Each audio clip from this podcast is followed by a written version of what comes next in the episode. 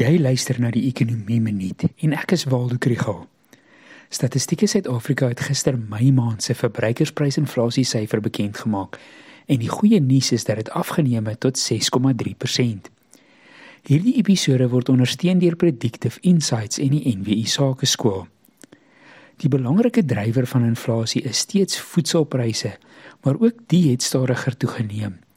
Die pryse van voedsel en nie-alkoholiese drankies het met 11,8% gestyg in Mei maand teenoor 13,9% in April.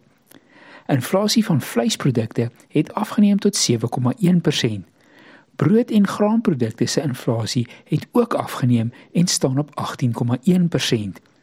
Die vervoerindeks het toegeneem met 7% en brandstof met net 3,5%. Dit is dus belangrik om te verstaan dat pryse nie daal nie. Die koers waarteen dit styg is net laer. Wanneer daar na die inflasiekoers vir verskillende inkomste groepe gekyk word, staar armer huishoudings en pensionaarsse 'n hoër koers as die gemiddeld in die gesig. Dit is nie 'n metingsfout nie, maar omdat hulle mandjie van goedere en dienste anders is as van die meer welaf huishoudings.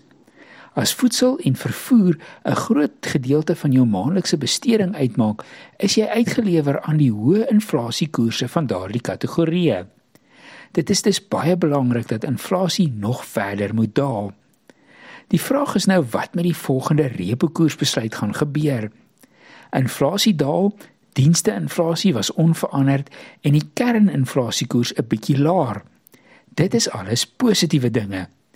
Die Reserwebank sal steeds bekommerd wees oor loonooreenkomste vir persentasieverhogings bo die teikenband, soos die onlangse 7% aan Eskom werknemers. Die wisselvalligheid van die rand bly ook 'n risiko, hoewel dit nou weer sterker verhandel. Die markte verwag nog 'n 25 basispunte verhoging.